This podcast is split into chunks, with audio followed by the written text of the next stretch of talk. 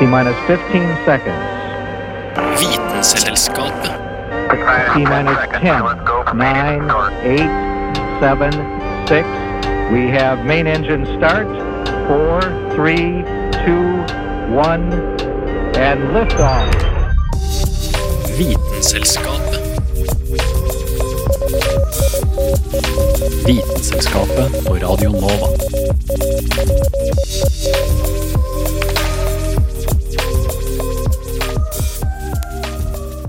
Jeg vet ikke om du noen gang har tenkt over hvor ufattelig liten vi mennesker egentlig er, hvis du sammenligner oss med resten av verden og universet. Vi er så mikroskopisk liten at det nesten er litt skummelt å tenke på. Og det er det sendingen vår skal handle om i dag. Vi skal nemlig helt ned på mikronivå og se hva som befinner seg der. Vi skal snakke om miljø og vår egen kropp og dyreriket. Og forhåpentligvis sitter du igjen med ny kunnskap som gjør livet ditt bitte litt bedre. Jeg heter Anna Vik Rødseth, og velkommen skal du være til en ny episode av Vitenselskapet. Å vite vet Vitenselskapet.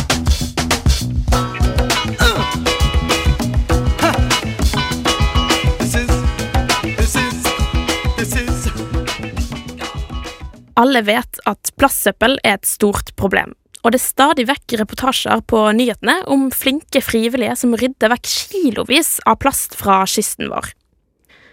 Det er selvfølgelig veldig bra å bli kvitt så mye synlig plast som overhodet mulig, men miljøet vårt trues også av mye mindre synlige fiender, som er like skadelig, men mye vanskeligere å rydde opp i. Jeg snakker selvfølgelig om mikroplast.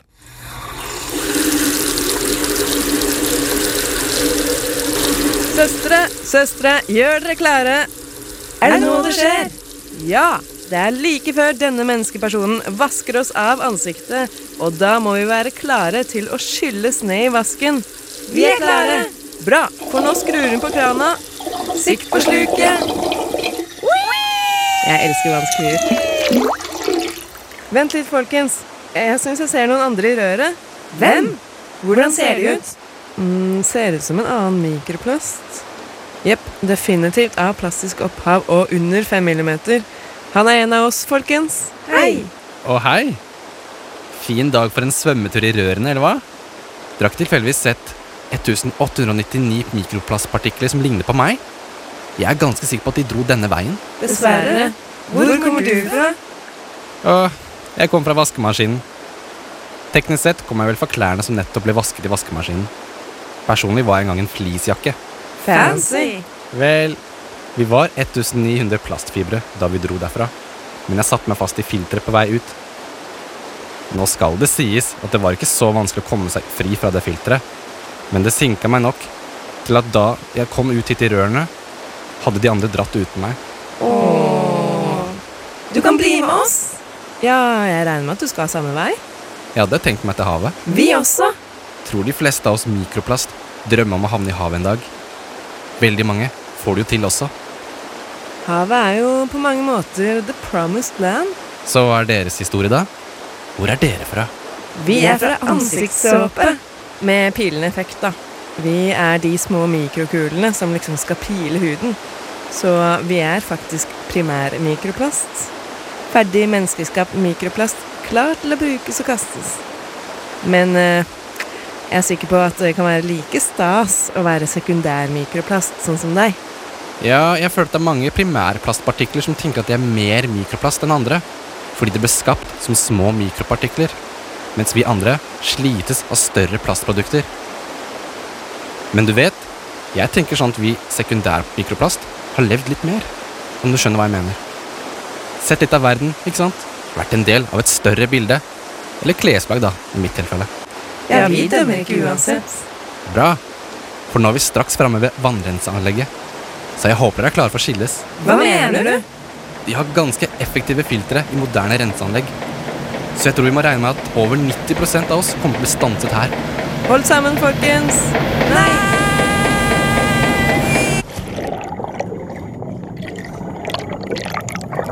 Eh, er du den eneste som kommer igjennom? Av vår gjeng ser det ut til, ja. Jeg kjenner ikke noen av de andre partiklene som kom gjennom her, tror jeg. Selv om det jo også er en del. Det er bare Det er ikke rettferdig. Hvis vi hadde vært mikroplast fra bildekk f.eks., eller jeg vet ikke, en plastpose som fløy ut på havet, eller egentlig hvilken som helst plastbit som falt i vannet, så hadde vi ikke hatt noen problemer med å få med oss alle. Nei. Eller hvis vi hadde gått gjennom kloakken i et annet land. Nettopp! Så nå må man jo nesten være et bildekk for å komme seg til havet. Er du klar over at 2250 tonn av dem havner her hvert eneste år? Og det er jo bare fra Norge. Og de er så jævlig overlegne på det også. Ja, jeg er for så vidt enig. Men jeg tenker at vi nesten får være glade for at så mange av våre søstre og brødre i det hele tatt kommer seg hit. Det er jo ikke sånn at det blir færre av oss. Snarere tvert imot. Mange mikroplastpartikler fødes jo i havet også, når makroplast brytes ned i mindre biter. Ja, du har vel rett. Jeg bare Nei, du har rett. Så Hvilke planer har du framover, da? Vel, jeg hadde egentlig tenkt å se litt av havet, da. Flyte dit strømmen tar meg, ikke sant? Kanskje dra til en av de flytende søppeløyene man hører så mye om. Jeg har hørt at 30% av de søppeløyene er mikroplast, så det blir jo ikke akkurat ensomt. Og så, etter hvert, så tenkte jeg at nei, kanskje skulle slå meg sammen med noen miljøgifter og plankton eller noe sånt noe, og så synke ned til bunnen. Det er jo mindre UV-stråler der, så det tar jo enda lengre tid å bryte seg ned. Kult. Hva med deg, da? Noen uh, store planer? Nja Jeg har jo alltid hatt en drøm om å bli spist av en organisme, da. En fisk, kanskje. Hvis jeg er heldig. Ah, ja, det høres jo kjempespennende ut. Jeg har hørt at det er mange muligheter for plast i fordøyelsessystemet. Ja, man kan jo gå for den klassiske fylle opp magen med plast til dyrene dør. Den er jo ikke så verst.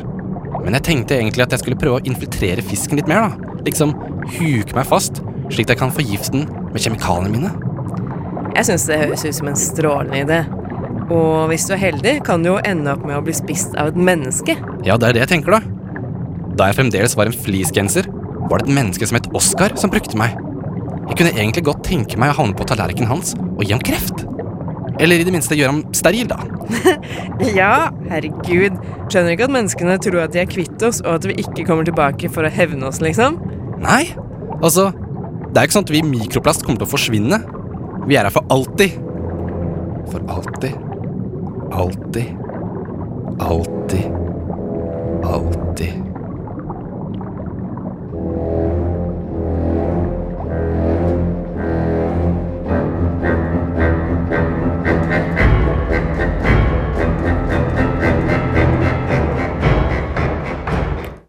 Denne saken ble lagd av mikroplastkulen Kristin Grydeland, med hjelp fra mikroplastfiberet Tage Rivas Tollefsen. Vitenselskapet. Vitenselskapet på Radio Nova.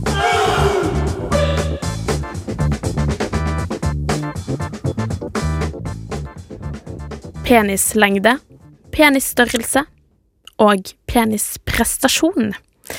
Det dere gutter har mellom beina, er tilsynelatende en utømmelig kilde for diskusjon, stolthet, men også skamfullhet. Er den for liten? Er den for stor? Gjør du noe riktig? Og så videre. Men hva med de som har mikropenis?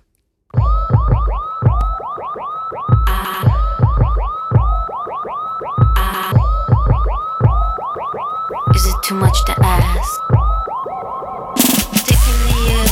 See you put your put your dick in the air. Svær, liten, tjukk, tynn, rett, skjev, brukket. Det er, i likhet med mye annet, stor variasjon i utformingen av en penis. De pornopenisene du kanskje umiddelbart ser for deg, er ikke helt representative for den gjengse mann. Den gjennomsnittlige penis er i erigert tilstand omtrent 12-13 cm. Altså, tja, litt større enn en vanlig 0,33 liters brusboks. Men forhåpentligvis ikke like brei, da. Mikropenis også kalt mikrofallus, som på gresk rett og slett betyr liten penis, er derimot en medisinsk tilstand, der ferdig utvokst eller voksen penis i erigert tilstand er mindre enn to og en halv standardavvik fra den gjennomsnittlige størrelsen, vanligvis da mindre enn 7 cm.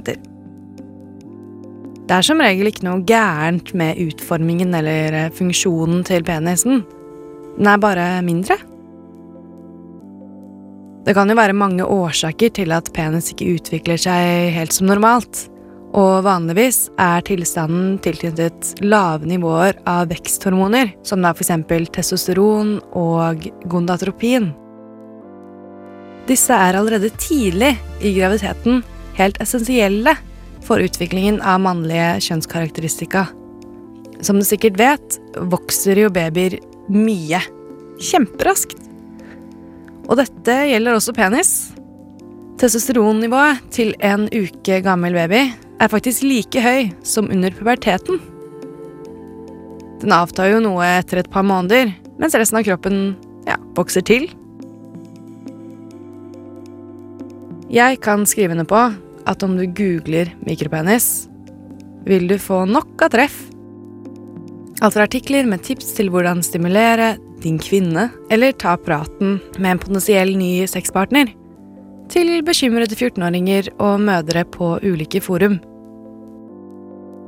Men det er viktig å presisere at mikropenis er svært sjeldent. Kun 0,6% av den mannlige delen av befolkningen har ekte mikropenis. Faktisk blir tilstanden som regel oppdaget allerede kort tid etter fødsel. De fleste barn og ungdommer som søker behandling, er helt friske og har bare ikke kommet i puberteten ennå. Men selv om 0,6% høres ut som, og jo er, en liten andel av menn der ute, vil det jo fremdeles si, ifølge min barneskoleregning, at rundt 16 000 norske menn i dag har mikropenis. Den gode nyheten er at det faktisk går an å gjøre noe med det. Testosteronbehandling er da det mest vanlige, men dette vil kun ha noe effekt til og med puberteten. Som voksen vil selv anabole steroider sannsynligvis ikke gjøre noe særlig med penisstørrelsen din. Den litt kjipe nyheten er at selv om hormonbehandlingen blir startet i gang tidlig, kanskje allerede rett etter fødsel, vil sjelden penisen nå helt normal størrelse. Et alternativ kan da være å prøve å operere. Men dette har hittil ikke vært så suksessfullt. Akkurat mikropenis er kanskje ikke så ofte omtalt, i hvert fall saklig, da, men nye teknikker prøves stadig ut. Og skal vi tro Women's Health, er ikke penisstørrelse nummer én på prioriteringslista for kvinner. Er du en bra fyr, klarer du det nok bra, samme hvor stor penisen din er. Isn't it awfully nice to have a penis? Isn't it frightfully good to have a dong? It's swell to have a stiffy, it's divine to own a dick. From the tiniest little tadger to the world's biggest prick. Denne saken ble laget av Sunniva Sol Stannes Blix. It's, it's a dinosaur. Uh-huh.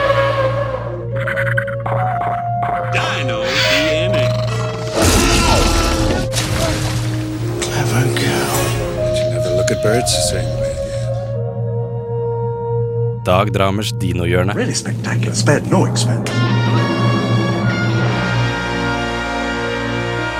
Spared no expense.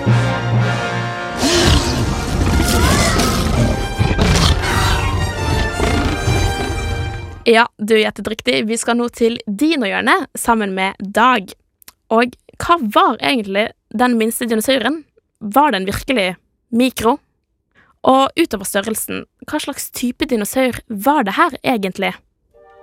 Blant dinosaurene finner vi de største landlevende dyrene som noensinne har levd. Spesielt én gruppe dinosaurer, de langhalsede sauropodene, kom opp i enorme størrelser. Ta den berømte Jurassic Park-installasjonen Brachiosaurus, som kunne bli hele 30 meter lang og veie 23 tonn. For ikke å snakke om Titanosaurus og Sauroposeidon, som er så store beist av noen skapninger at selv navnene deres er farget av størrelsen. Det er lett å fokusere på de store dinosaurene, Størrelsen i seg selv fascinerer, men da kan det være lett å glemme at, det fantes tusenvis av mindre arter, og noen arter som attpåtil ikke bare er små, men bitte små. Mikro. Faktisk så har det seg slik at en av de minste dinosaurene vi kjenner til, har fått sitt navn grunnet størrelsen. Mikroraptor. Raptorene var jo kjøttetende teropoder og varierte i størrelse, men de fleste var relativt små og lette.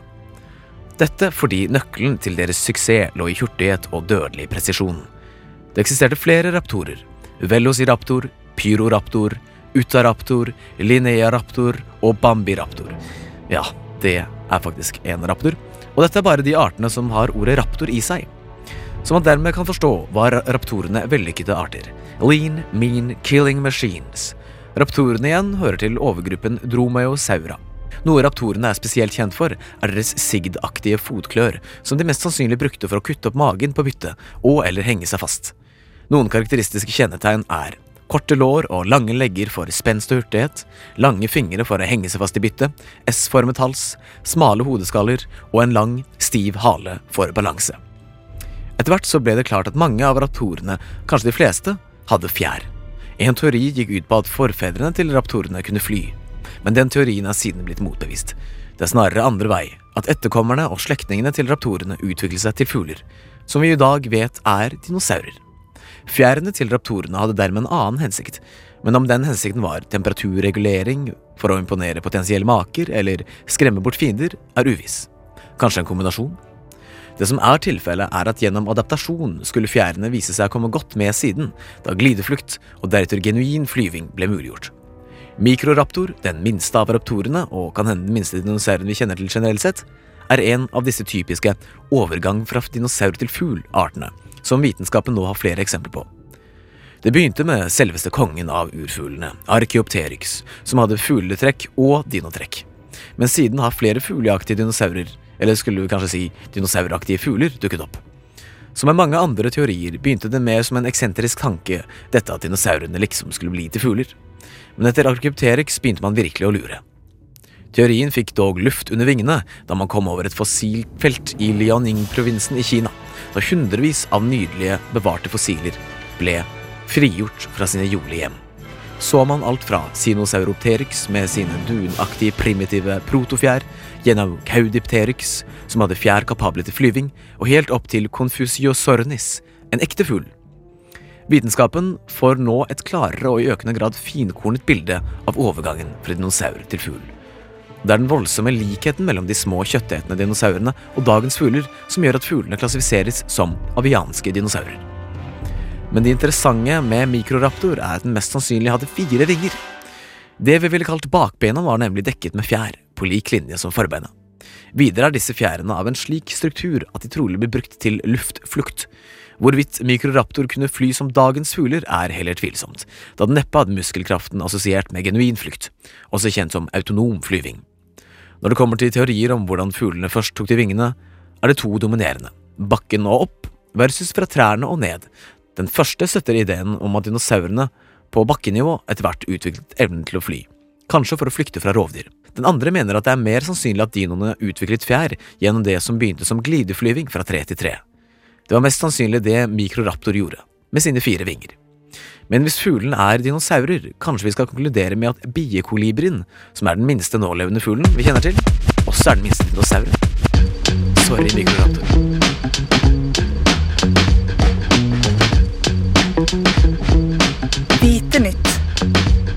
Det du trenger å vite.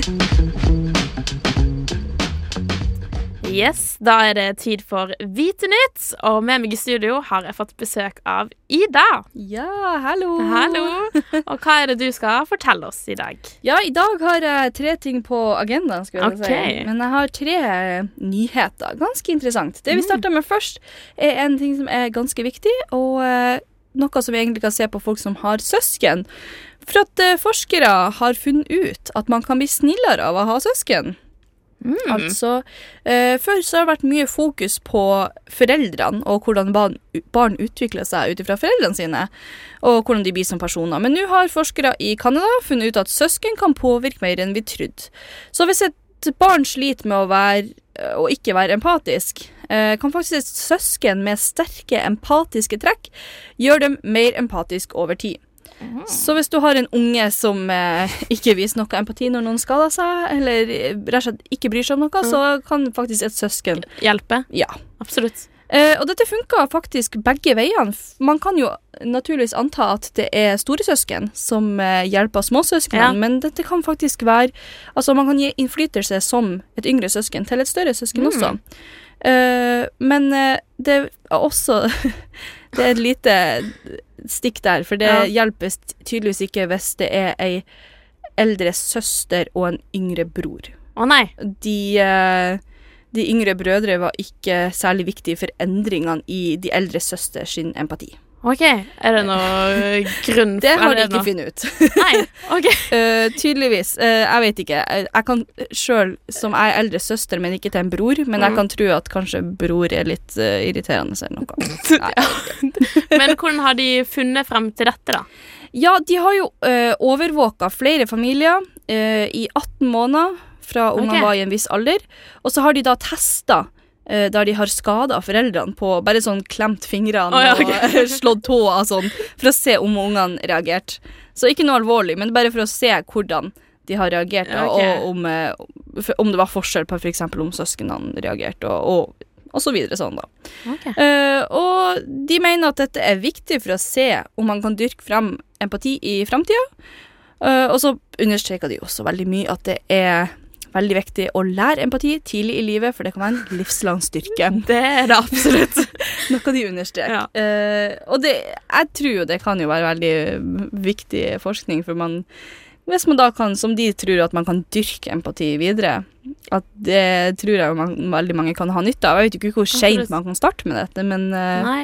Men eh, det lønner vel seg å begynne tidlig, så det å få et søsken eh, som ikke er så langt unna deg i alder, er jo kanskje tips til Ja, tips damer der ute. Som har uh, slemme unger. Ja. Det blir jo veldig kjipt hvis du får to unger som uh, ikke Slemme. Ja. Som- Men hvis du klarer med den ene, det kan, man jo, det kan jo være en liten trøst. Ja. Hvis du klarer å få den ene til å bli empatisk, så mest sannsynlig kommer noe til å smitte over til den andre. Men det er jo positivt. Ja, det er positivt. Og så har vi nyhet nummer to. Dette er fra Virgin Hyperloop One, som eh, er da hyperloopen, hvis eh, flere har hørt om den. De har annonsert at en tur mellom Dubai og Abu Dhabi skal ta intet mindre enn 12 minutter. Dette vil si eh, 1200 km i timen, og dette er en tur som er på 140 km, og med bil vil den ha tatt ca. 90 minutter. Eh, dette, altså Hyperloop One er jo prototypen til det som er et hurtigtog, eh, som kommer til framtida, og som skal gå i en eh, tube. Som en slags rør, der det ikke skal være noe luft. Og så er det jo vakuum inni der, så du får en slags effekt. Så det går veldig fort. Ja, det går fortere i vakuum. Ja. Mm. Eh, men det er jo ikke som et vanlig tog, så det er jo ikke noen vinduer eller ingenting. Men herregud, det skal jo, den der turen skal jo ta tolv minutter, så så lenge du sitter godt, som forhåpentligvis noe du gjør, for BMW har tatt på seg og skal designe setene. Så eh, jeg tror dette skal gå bra. Ja, Vi burde ha ordentlige sikkerhetsseler i det toget. Ja. Hvis ikke jeg tror det kommer til å bli litt Tenk når eh, man stopper. Å, herregud, ja! Håper de står på sånn rolig. Ja. Det kan ikke Det, det. gjør jo eh, Det gjør de fleste tog. Hvis ikke så kan det bli katastrofalt. Ja, det tror jeg også. Men det blir jo spennende å se det at man ser uh, utviklinga, og at det hele tida kommer med nye annonseringer som Mm. er veldig spesifikt. Sånn, så det her viser Ja. jo bare at det kan komme veldig nært i framtida. Eh, at det faktisk går framover, at det ikke bare er snakk. Mm. Hvem er det som har funnet på denne saken? Hyperloopen, det, det er vel eh, Elon Musk som er Ja. i hyperloopen. Eh, Ikke overraskende. Nei, ikke overraskende. Han skal jo sende folk hit og dit. Så, Ja, ja. det Så den var jo ikke ny. Nei. og til den siste nyheten. Eh, dette er noe som ennå ikke har kommet på markedet, men som er under utvikling. Det er snart skal begynne å bruke på vanlige folk. Det er altså et eh, plaster som skal holde følge på de som har fått slag. Mm. For når du har fått slag, så kan du eh, slite litt med å svølge eller å snakke. Eh, og dette plasteret skal overvåke stemmebåndets bevegelser og vibrasjoner. Og dette skal hjelpe leger å diagnosere og følge med på effekten av behandlinga de har gitt pasienten.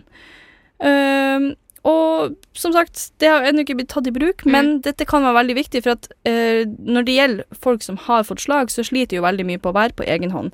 Så Ja, ja. er det veldig viktig at folk kan uh, kartlegge hva slags Mm. hjelp det de trenger. Ja. Så, eh, og dette er også et plaster som eh, Det blir ikke forstyrra av noe annet lyd. Man kan tydeligvis stå på sida et, eh, et fly, og det blir ikke å ha noe å si. Og så kan det også skjule, sånn at man kan, Ah. de skal gjøre sånn at man kan sette veldig langt ned på halsen, så at det ikke skal vises. Så det er liksom et plaster med innebygd mikrofon som bare tar opp uh, lyden inni kroppen din, som skal detektere om du, hvordan du Ja. er Rett etter og slaget. slett. Rett og slett. Og det er jo litt kult. Det er jo Det- er ganske fantastisk, hvis Ja. det kommer. Ja, jeg tror det kommer. De har jo testa det på eh, mye forskjellige måter, og Mhm. nå skal de jo gå videre til virkelige mennesker. Så eh, det er jo veldig spennende. Det er ikke så veldig aktuelt for så mange, men slag er jo en, eh, noe som veldig mange står i risiko for. Det er jo det er jo vanlig å få det, det ikke, men eh, man vet aldri. Så ja, det var det jeg hadde i dag. Tusen takk for at jeg fikk komme. Tusen takk for at du kom, Ida. Hæla i taket med Vitenselskapet.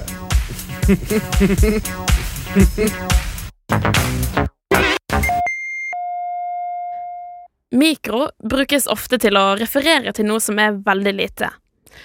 Men det du kanskje ikke visste, er at mikro er en egen prefiks for en lengdeenhet. En mikrometer er nemlig et mål for ting vi må ha et mikroskop for å se på.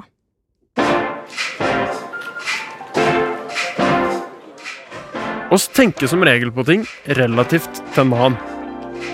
I mer primitive tider, og i USA, var ting telt i antall tomler og føt. Et blåhvalhjerte er ca. på størrelse med Miley Cyrus sin Wrecking Ball. Elon Musk sin planlagte gigafabrikk skal bli like stor som 1600 fotballbaner. Men for ting oss ikke kan se, mikroskopiske ting, er det kanskje ikke så lett å skjønne hva som er så og så stort. Oss zoomer inn. Bruker oss ti ganger zoom seks ganger, kommer oss til mikrometeren, og kjent som et mikron. Ti opphøgd i minus sjette meter. En tusendels millimeter. Og her skjer det ganske så mye. Ei typisk bakterie er nemlig 1-10 mikron lang. Bakterier er det som kjent veldig mange av i verden. Bare på den meteren eller to du har som kroppen din, finner du 40 milliarder bakterieceller. Hadde du lagt dem ende til ende, kunne du komme deg langt forbi ozonlaget. Det blir hele 40 kilometer. Hva andre ting tenker du på som veldig tynt og lite? Hår, kanskje? Her er variasjonen i tjukkelsen veldig stor. Alt mellom 17 og 180 mikrometer er mogle. Forskjellige hårfarger gir forskjellige hårtjukkelser. Tommelfingerregelen er at dess ljosere håret er, dess tynnere er det. Blonde har altså tynnere, og for å kompensere flere hårstrå enn dem med svart hår. Dem med brunt hår er en plass imellom.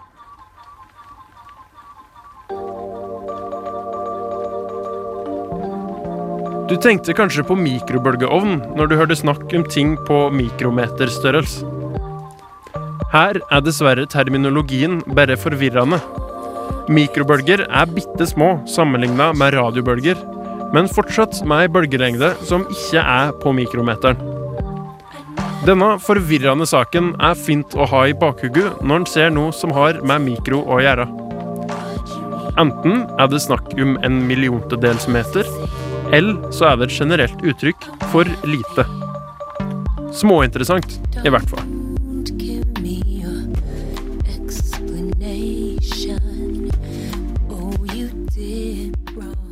Denne saken ble laget av den ikke så mikroskopiske Carl Adams Kvam.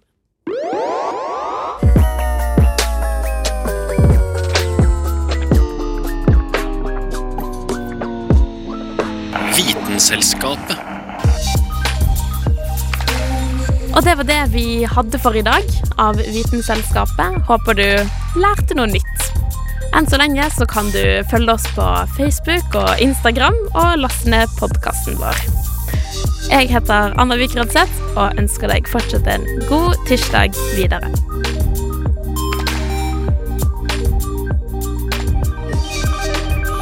Selskap.